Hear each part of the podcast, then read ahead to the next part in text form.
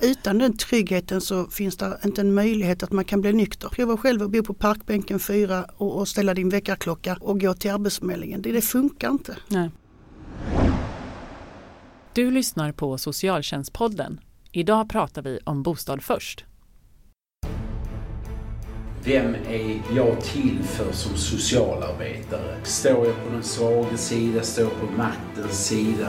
Min kompis sa att om man snackar med SOS så tar de barnen. Att spara pengar till statskassan genom att utförsäkra en massa människor. Då biter man sig själv i svansen till slut. Och det är väldigt viktigt för Sverige att socionomer vill arbeta i socialtjänsten. De vill ha en socialtjänst där socialsekreterarna är stolta över sitt jobb. Hej och välkomna till Socialtjänstpodden. Podden för dig som är intresserad av socialt arbete och socialpolitik.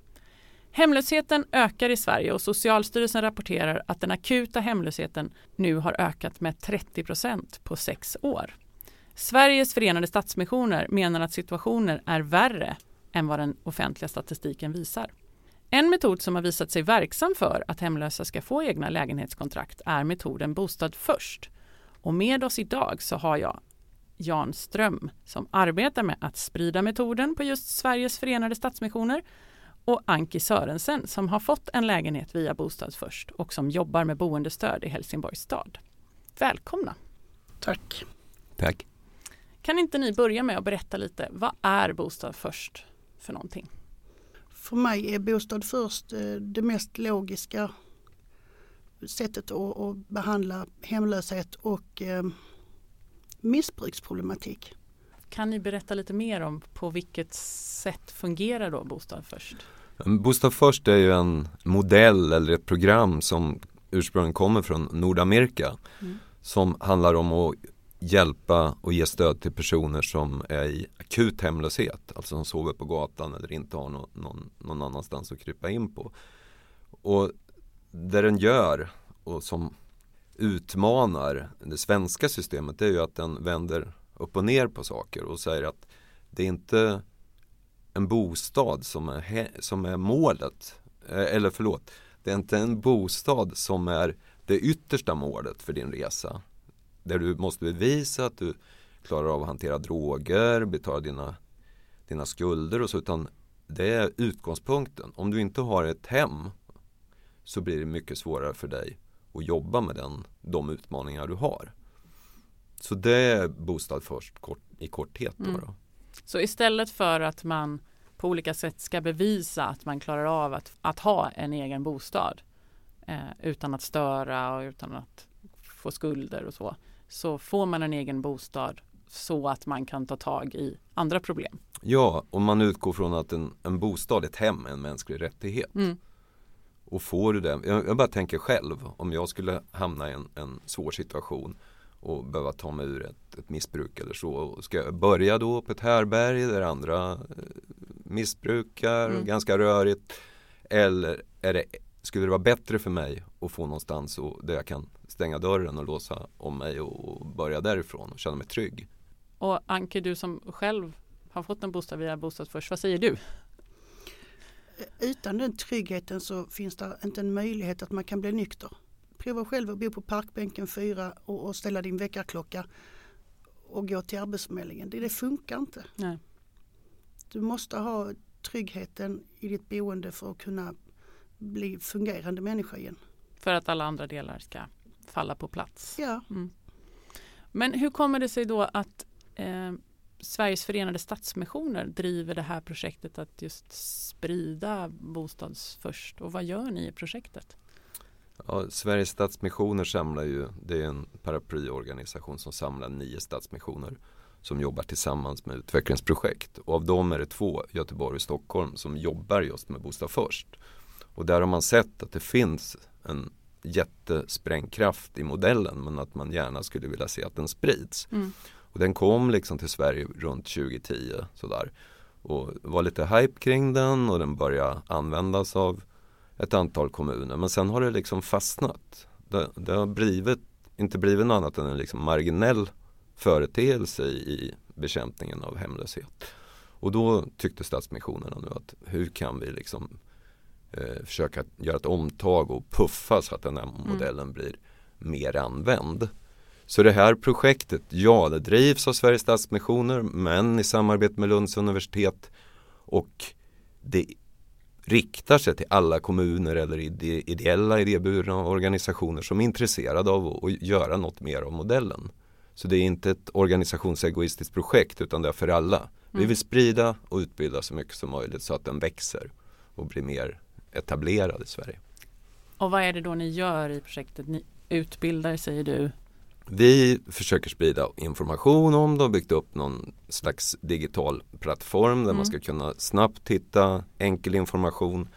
Vi utbildar kring den. Vi tog fram en handbok som en del i ett europeiskt samarbete där man liksom har grundprinciperna, man kan se hur man läser om hur, hur man ska tänka kring hur man ger stöd i, till den boende och så. Eh, vi har tagit fram en liten skrift om hur man kan liksom lokalt eh, försöka påverka bostadspolitiken.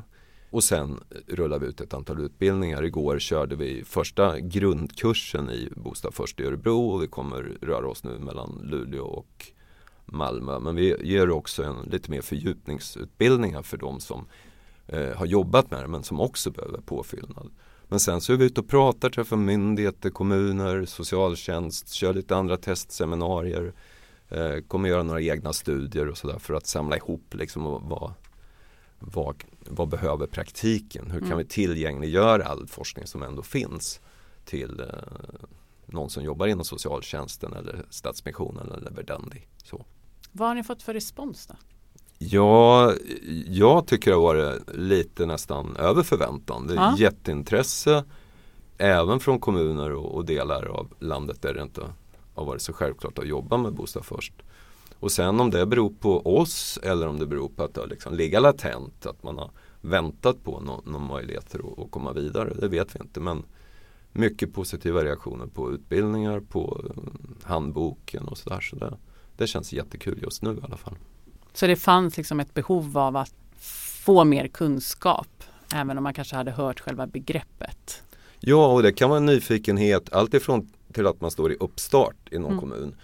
Eh, igår i Örebro var Köping kommun och Arboga kommun var på plats för att lyssna in, se vad är det här. Eh, de kommer något boteam, mm, flera personer liksom för att försöka fatta med vad är det här mm. och är det något för oss. Så. Och hur spridd är metoden i Sverige? Du har nämnt Stockholm och Göteborg.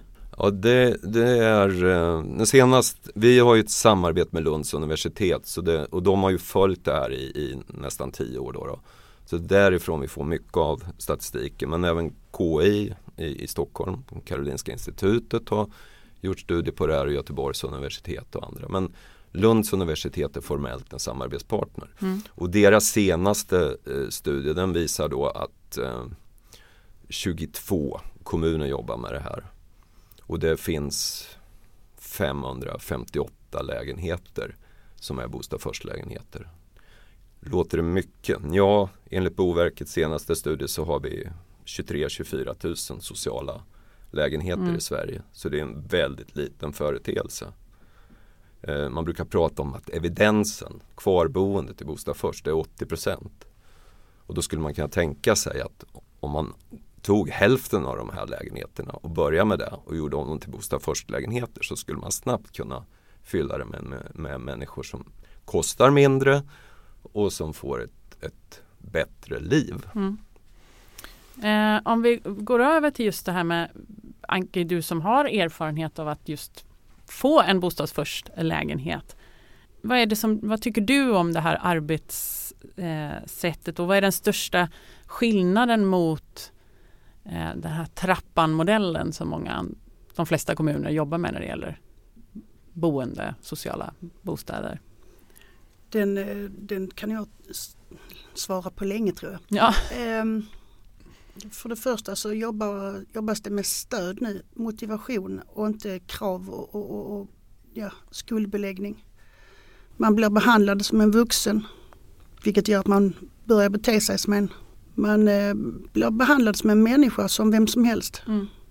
Det tar ett tag att smälta in det för man är van vid, vid piskor och, och, och, och, krav.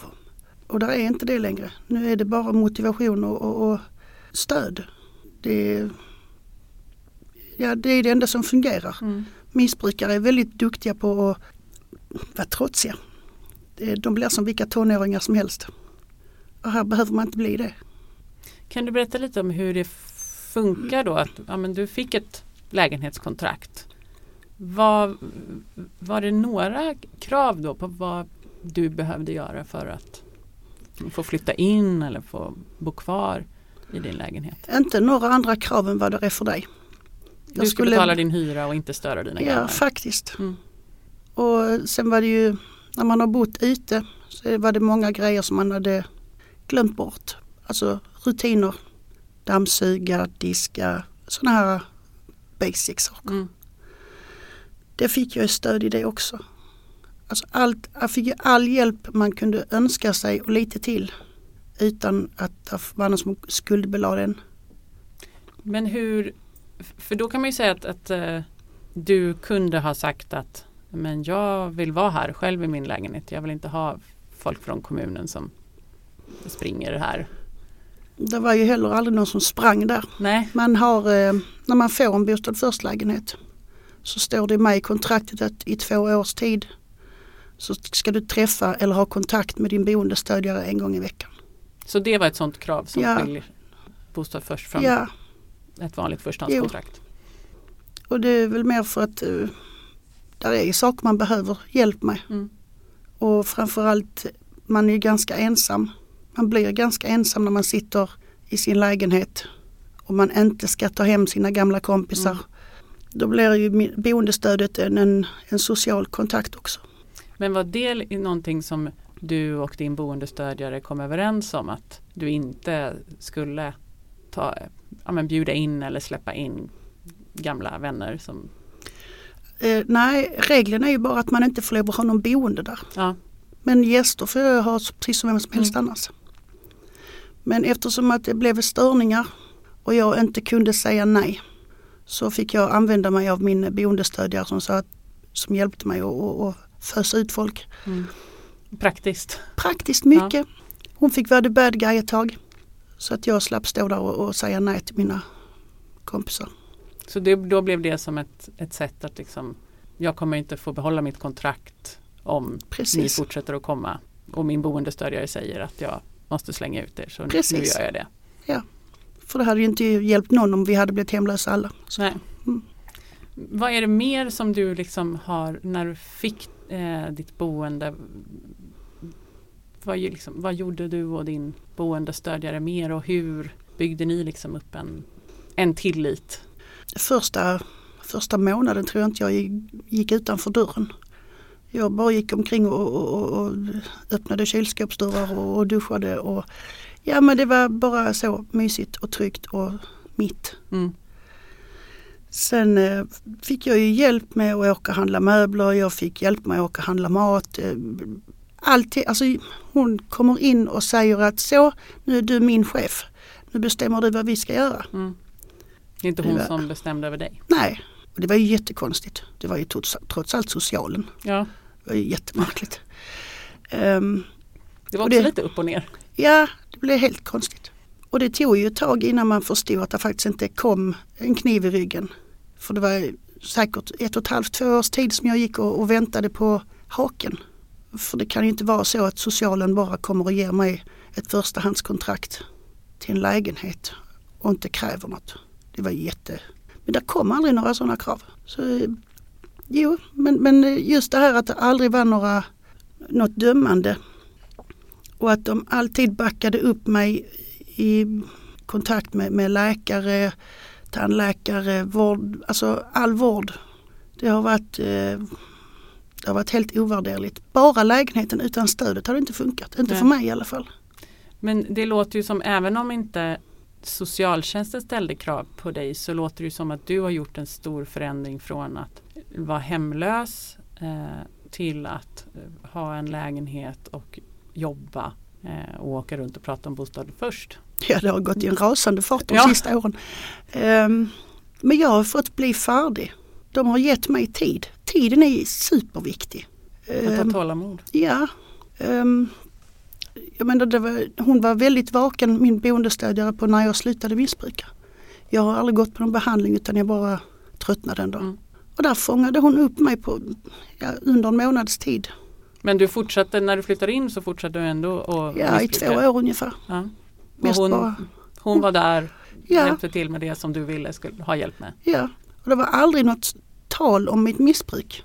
Det var ju så jättekonstigt. Mm. Jag förde det själv på tal en gång. Alltså, ja, vad sa hon då? Så, ja men du är ju här för att du är inskriven på vuxen och vuxen det betyder att du är missbrukare så vi vet ju om det. Mm. Så varför ska vi prata om det? Det var så länge det inte var fara för mitt liv eller så länge det inte var någon handel och, och så här så det var anmälningsplikt på det. Så var det ingen som rörde boendet. Mm. Och du fick din, ditt ekonomiska bistånd eller? Jag fick hjälp med det också, ja. lämna in ansökan i tid och allt det där som man gärna glömmer bort när man är fullt aktiv och helt mm. snurrig.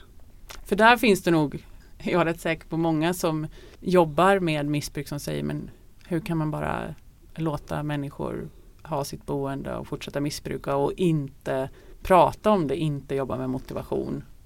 Det, nej, sa jag inte. Motivationen nej. jobbades det med hela tiden. Väldigt, väldigt fint och utan, utan pekpinnar. Men visst, ME jobbar vi med hela tiden. Mm. Och sen måste man också skilja på missbruk och boende. Mm. För Bostad först är inget behandlings, eh, behandlingshem eller behandlingsform. Även om det många gånger leder till åtminstone minskat missbruk. Mm.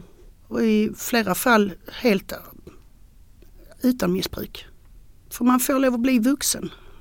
Och man blir behandlad som vuxen så? Ja, så tar man det ansvaret. Mm. Det, Ja, det är någonting som jag, när, om man googlar runt på metoden och intervjuar med personer så just det där med att bli behandlad som vuxen är att det är många boende i Bostad först som upplever att de blir behandlade som vuxna. Ja, att man inte blir sedd ner på eller behandlad som någon, någon mindre förstående varelse. Mm. Ja. Men eh, du sa också att, ja, men, att eh, missbrukare kan vara trotsiga. Usch, ja. eh, och, och liksom att du jämför med tonåringar. Men vilka, vad fanns det för ramar då att liksom testa gränser eller eh, att gå helt emot vad överenskommelser och så? Det fanns ju inte så mycket man kunde gå emot. Jag kunde låta bli att betala min hyra men konsekvensen av den, ja, det, den var jag inte villig att prova på igen. Eh, för allt i världen jag missade en hyra. Men de var där och stöttade mig i det också och hjälpte till att fixa upp en avbetalningsplan. Ja. Och, så de fanns där i alla väder. Så man. Du fick lov att misslyckas ja. eller testa gränser eller ja. Göra fel? Ja, de räknar med att man gör fel för att det hör till tillfrisknandet. Ja. Så, mm. så två år tog det för, för dig att sluta missbruka och, och när, liksom, hur långt det tog det sen innan du började jobba? Och... Jag gick eh, sex veckor på Lunds universitet på eh, mobiliseringskursen. Mm. Och sen efter det så gjorde jag en del ströjobb och så. Och vi kan säga att mobiliseringskursen är en kurs där socionomstudenter läser med med brukare, med brukare. och eh, föreningsfolk. Mm. Det var också en, en väldigt chockerande upplevelse. Ja, jag har inte ens gått ut grundskolan så in på högskolan där, det var lite spännande. Ja. Men eh, sen efter mobiliseringskursen så tog det väl kanske ett år innan jag började min praktik. Och sen ytterligare ett år så fick jag mitt OSA, offentligt skyddad anställning. Och nu har jag sökt in till skola så jag ska förhoppningsvis börja utbilda mig till hösten. Ja, vad, ska, mm. vad har du sökt till? Behandlingsassistent. Så att man ska inte stirra sig blind på att det inte händer stora förändringar på ett år eller två år för att det kan Det tar, det tid. Tar tid. Jag har missbrukat i 18 år. Det är väl ingen som förväntar sig att jag ska bli en skattebetalande samhällsmedborgare på, på sex månader. Då. Det funkar inte. Man måste ha realistiska ja. mål. Och det gäller både boendestödjarna och oss själva. Mm. För där tänker jag att vi i liksom hela samhället så är det väldigt mycket ja, ekonomi följs upp varje kvartal och varje år gör vi uppföljningar på vad det är vi har gjort och att eh, vi har ganska korta gränser för när vi vill se resultat Såklart, i men, kommunerna. Men, men man, man kan räkna resultat även även på den tiden jag har varit aktiv. För mm. i mitt boende på Bostad först, i mina aktiva två år där, så kostade jag inte några pengar för, för, eh, för frivården för jag blev inte straffad. Mm. Det kostade inte några pengar för eh, sjukhuset för jag blev inte LVMad. Alltså det var mycket sånt här som inte kostade några extra pengar. Så att man måste, se, man måste se det lite större perspektiv. Ja. ja. Man kan, behöver inte bara titta i sin egen plånbok ifall det är plus och minus där utan det är många andras. Ja kommunen betalar ja. också för LVM så det är, ja. det är nog en, en stor investering. Men upplever du att det var någon skillnad mellan hur du såg på dina resultat och, och din boendestödjare?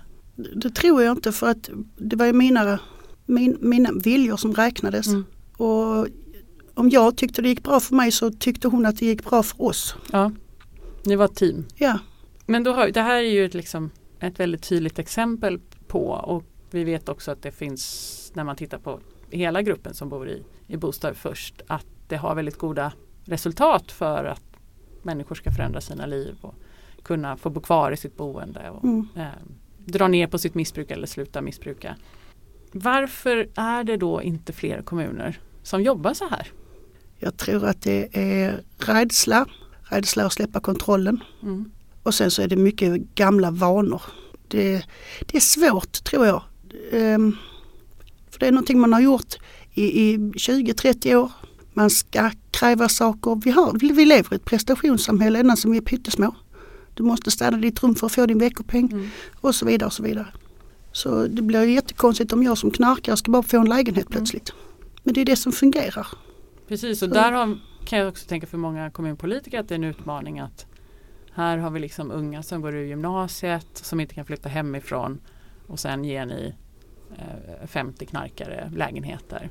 Ja, men eftersom att de här 50 knarkarna får varsin lägenhet så kostar det så jättemycket mindre pengar att ha dem i varsin lägenhet än att ha dem på eh, ett eh, härberge mm.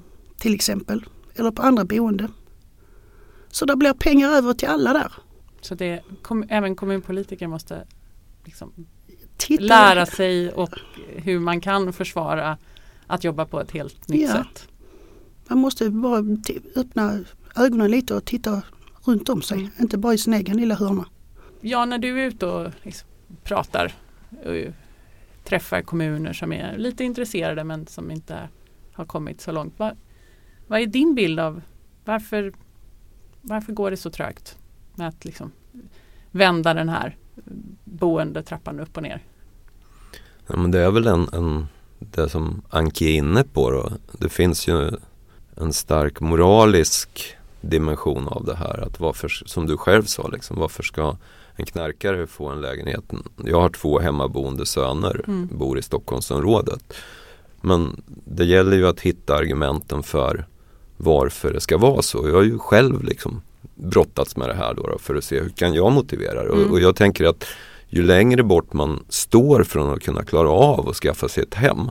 Om man nu tror att bostad är en mänsklig rättighet. Om man köper det, mm. att alla borde ha det varför ska man då börja med min, mina söner som kan bo hemma, som kanske med hjälp av nätverk eller med mammas och pappas resurser kanske kan, när de är redo att skaffa sig en ny lägenhet, när det finns människor ut som inte klarar av det. Eh, det är ett sätt också att vända på mm. det här. Men det där Jag hör ju också när jag pratar in med socialtjänsten att det finns ett motstånd, inte bara inte bara det moraliska men också man har sina regler och strukturer som så att säga styr biståndsbeslut och hur kan man, kan man spe och, och organisatoriska eh, problem, hur spelar man mellan psykiatrin och, och mellan socialtjänsten och det blir krångligt att tänka nytt mm. och det är ju inte, det är ju en sån här generell organisationsteoretisk fråga. Hur förändrar man organisationer och tänk och kultur och regler och sånt. Så där måste man ju liksom få det i alla led som en av cheferna på, på Helsingborgs stad brukar säga. Vi måste få med hela organisationen i det här tänket. Men också som ledning har man ett ansvar mm. att skapa utrymme för att ta de beslut som kanske är lite mot de rigida riktlinjerna skapa frizoner där man kan testa den här verksamheten. Om man ser det som någon social innovation eller någon nytänkande mm. som måste testas. Vågar en kommun skicka upp några testballonger? Så den, där, den, den, strukturen och det här inom, inom kommunerna är en utmaning. och hela professionen då som kanske är van att jobba på ett visst sätt. Jag har ju hört socialarbetare som säger det här var som att stå på huvudet. Mm. Jag tyckte det var helt fel liksom, från början. Men nu skulle jag inte kunna gå tillbaka och jobba i den här så kallade boendetrappan. Mm. Här vill jag vara. Så det krävs en tillvänjning även där. va? Ja precis, det är en förändringsprocess även hos, hos professionen, hos de som jobbar med, med boendestöd. Och... Ja, och, och det är ju den ena biten. Det andra är ju bostadsmarknaden. Ja, för sen tänker jag att det är ju kommunerna, det är ju en utmaning och att få det förankrat i alla led och få politiker att kunna stå upp för det här. Men sen har vi ju, det är några som, det är ju liksom inte socialtjänstförvaltningen som bygger lägenheterna i kommunen. Eller Nej, som, och, och det, här, dem. det blir så lätt att grupper ställs mot grupper. Jag hör ja. både från hemlösa själva som undrar varför ska nyanlända få så mycket mm. lägenheter nu när vi inte får det? Mm. Eller varför ska, varför ska vissa grupper prioriteras i det här? Och då är det väl politiskt mod att Dels är det eftersatt byggandet. Det är ju inte ett år, det är ju inte fem år. Det är ju under lång tid som vi inte har byggt tillräckligt och byggt tillräckligt prisvärt. Mm. Liksom. Och det är ju det är en politisk vilja det handlar om. Hur vill vi hantera det här? Vi kan ju, men det är ingen som sätter in 15 elever i en skola med tre bänkar. Utan det är på plats när man börjar skolan. Men här är det liksom det här är längre processer och svårare strukturer och beslut att ta. Men bostadspolitiken kan ju också liksom drivas lokalt. Mm. Det var därför jag nämnde den här lilla skriften vi har tagit fram. Att du kan faktiskt som aktivist eller förbannad socialsekreterare säga måste vi måste sluta betala de här hyrorna på sekundära bostadsmarknaden. Mm. Det är ju helt vansinnigt liksom. Eh, så man kan agera gentemot kommunen, bostadsförsörjningsplanerna. Vi kan titta på vad är det för direktiv som kommunen har gett allmännyttan. Det finns väldigt mycket manöverutrymme för att styra om allmännyttan så man gör mer av det sociala insatser. Många allmännyttor gör det ju, andra vill inte alls göra det. Mm.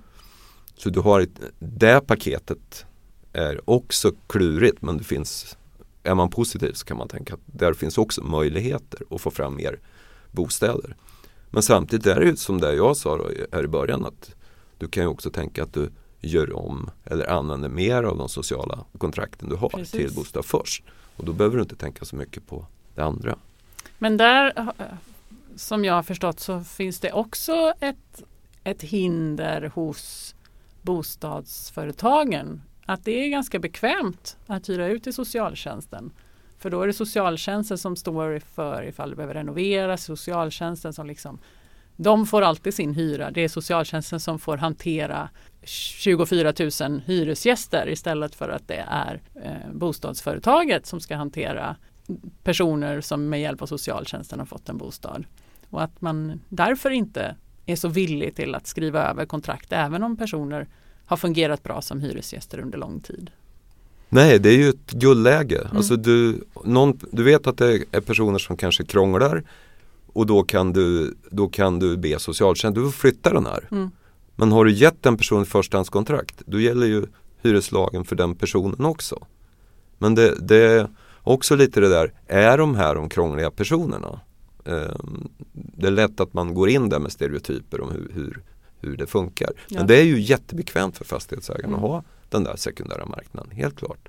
Och socialtjänsten blir ju hyresvärdar istället ja. för att få jobba med det de borde jobba med och, och hjälpa människor ur problemfyllda situationer. Så vad är incitamenten för fastighetsägarna till att vilja upplåta sina lägenheter till bostad först istället?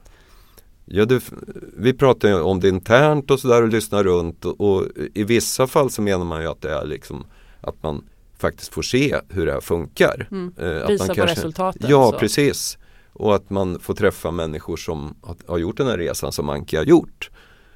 Så att man ser att det här skapar trygghet i vad det här stödet som Anki beskrivit, vad det innebär. Det är liksom inte bara att sätta in en, en konstig person som ska få ett, ett förstahandskontrakt om 18 månader eller två år eller mm. om det stökar lite kanske om tre år. Utan förklara det, så här tänket är. Mm. Och, och, då, och då i vissa fall vet jag ju vissa, när man har fått förstått det här i allmännyttan så, så har det varit lite enklare att släppa till de här lägenheterna. Men det är en, en återkommande kamp. Mm. För händer det någonting och det stökar lite då blir det ifrågasättande igen i eh, har några sådana exempel i ett par kommuner just nu då. Där då kan hela, hela tänket ifrågasättas. Då. Mm. Och sen har ju inte alla kommuner allmännytta heller. Nej, nej precis. Och då måste man ju gå på de privata.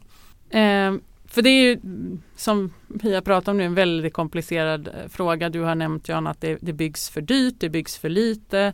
Eh, och det är liksom upp till var och en att kunna klara sig på den här bostadsmarknaden.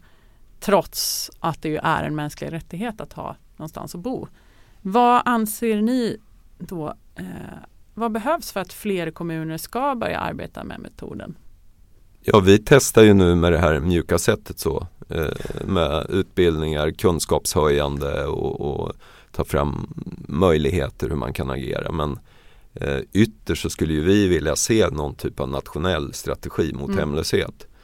Och då när vi pratar om Bostad först då är det ju den första så kallade situationen i Socialstyrelsens definition av hemlöshet av fyra situationer. Där är de akut hemlösa. Mm. Det är ju där man har jobbat framgångsrikt då. Sen finns det ju andra grupper. Man kan tänka sig unga. Eh, där har Göteborgs stad nu ett, ett test på att ska försöka bygga en Bostad först-verksamhet med unga. Eh, det finns andra tankar och idéer om att eh, våldsutsatta kvinnor i missbruk mm. när de går från sitt skyddade boende. De kanske inte klarar för en vanlig lägenhet. Kan man hjälpa dem nästa steg genom Bostad först? Så det finns ju olika, olika grupper att utveckla det här kring. Men det är ju, det är ju den där gruppen då som, eh, som vi riktar oss mm. till. Och som ökar. Ja, ja. Mm med det de, sättet vi jobbar och, och så, idag. Men man får skilja liksom på strukturell hemlöshet och hemlösa som behöver särskilt stöd. Ja. För strukturella det är ju mina söner. Mm. Eller det är eh, en nyanländ familj som hoppar runt i, och bor inneboende i olika eh, stadsdelar och bara egentligen behöver ett hem och till en skälig kostnad mm. som de har råd att betala för. Och den finns ju där också. Så det behövs olika insatser för ja. olika målgrupper. Eh, avslutningsvis då, hur går ni vidare i projektet? Och hur länge pågår projektet? Det här är ett tvåårigt projekt med hög svansföring och stora ambitioner och mycket om vad som händer sen kommer det här, de här två åren få utvisa. Om det blir mycket intresse, ja, men då kommer vi se, då kanske vi ska se till att vi säkrar långsiktig finansiering mm. för det här känner vi att efter några grundkurser nu sen, sen falnar det och då var det inte så mycket att göra. Då, då kanske man får tänka annorlunda.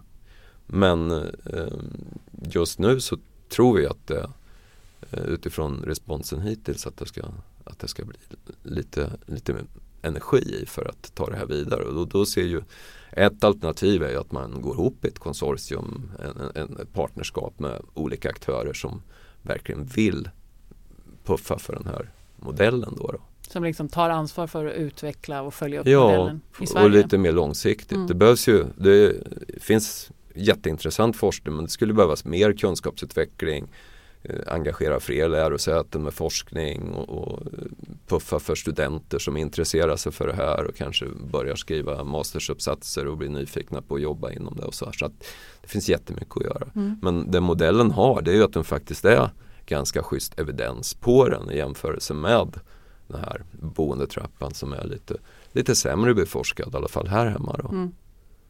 Mer er erfarenhetsuppföljd, att det inte leder till att så många får ta över sina kontrakt. Precis. Tack så jättemycket Jan och Anki för att ni var med i Socialtjänstpodden. Om två veckor så är vi tillbaka och då träffar jag Jörgen Lundelv på Göteborgs universitet för att prata om socialarbetare i samhällsdebatten. Och tills dess, tack för att du har lyssnat.